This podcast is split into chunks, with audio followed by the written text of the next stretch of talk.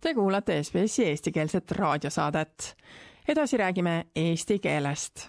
kas teadsite, et nii Eestis kui rahvusvaheliselt tähistati sel nädalal, neljateistkümnendal märtsil emakeelepäeva?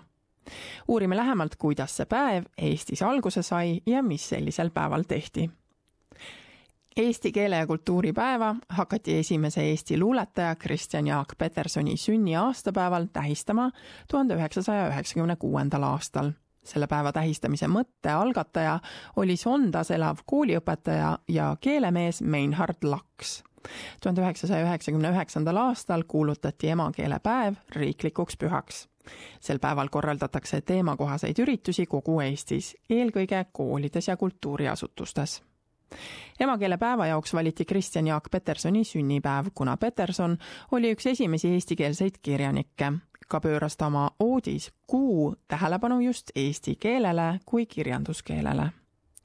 emakeelepäeva puhul korraldatakse mitmesuguseid üritusi, näiteks toimub Vikerraadios kahe tuhande kaheksandast aastast e-etteütlus.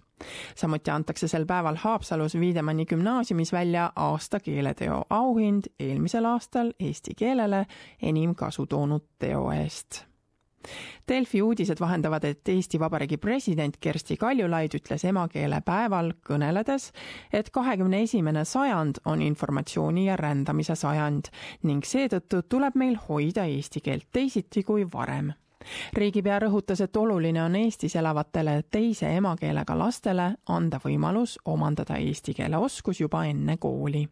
tsiteerin infot saab kontrollida seda andes, mitte kinni hoides. niisamuti on ka keelega. keel saab püsida elujõulisena seda jagades, mitte kiivalt, vaid iseendale hoides, ütles president Kaljulaid oma kõnes riigipea sõnul on tähtis, et neile, kes Eestist lahkuvad, suudaksime keele kaasa panna. tsiteerin suurtega on lihtne, ajakirjandus, raadiosaated ja tele omasaated on kättesaadavad kõikidele ja kõikjal. väikeste minejate saatus sõltub palju sellest, kas eesti keel jääb nende ema- ja isakeeleks.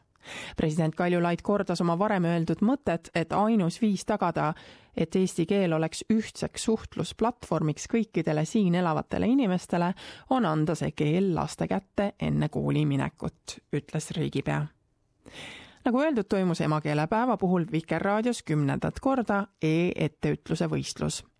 poole tunni jooksul jõudis toimetuseni rekordiliselt etteütlusi, mida oli üle viie tuhande kaheksasaja. kõige kiiremini ja korrektsemalt kirjutajate nimed avaldati ka Vikerraadio kodulehel tänavuse teksti põhirõhk oli muganditele ehk sõnadel, mida saab kirjutada kahtviisi. ja need kirjutati enamikus õigesti, näiteks tšilli, pitsa või kick-poksija.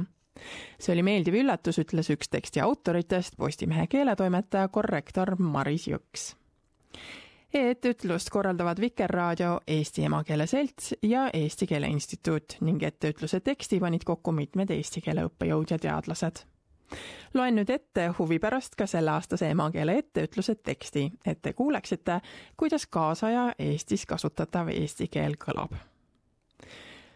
pikki tänavaid kooli poole rulluisutava Liisa kaheksanda B-klassi parima kick-poksija kuularites tümpsub metsneidude vahel laul, mida ta esitab lastekooriga juulikuus noorte laulu- ja tantsupeol Mina jään olgugi et rekkajuht Hane tee ja Kuke allee ristmikul sebra ees kinni peab, seisatab tüdrukki korraks.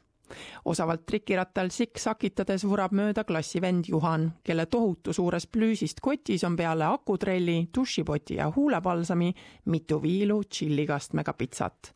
oota, Juhan, hõikab Liisa talle järele nii kõlas siis selleaastane emakeelepäeva puhul kümnendat korda toimunud e-etteütlus, kus kontrollitakse eestlaste eesti keele oskust kui soovite ka oma õigekirja kontrollida, siis külastage selleks Vikerraadio kodulehekülge, kus etteütluse helifail kuulamiseks üleval on.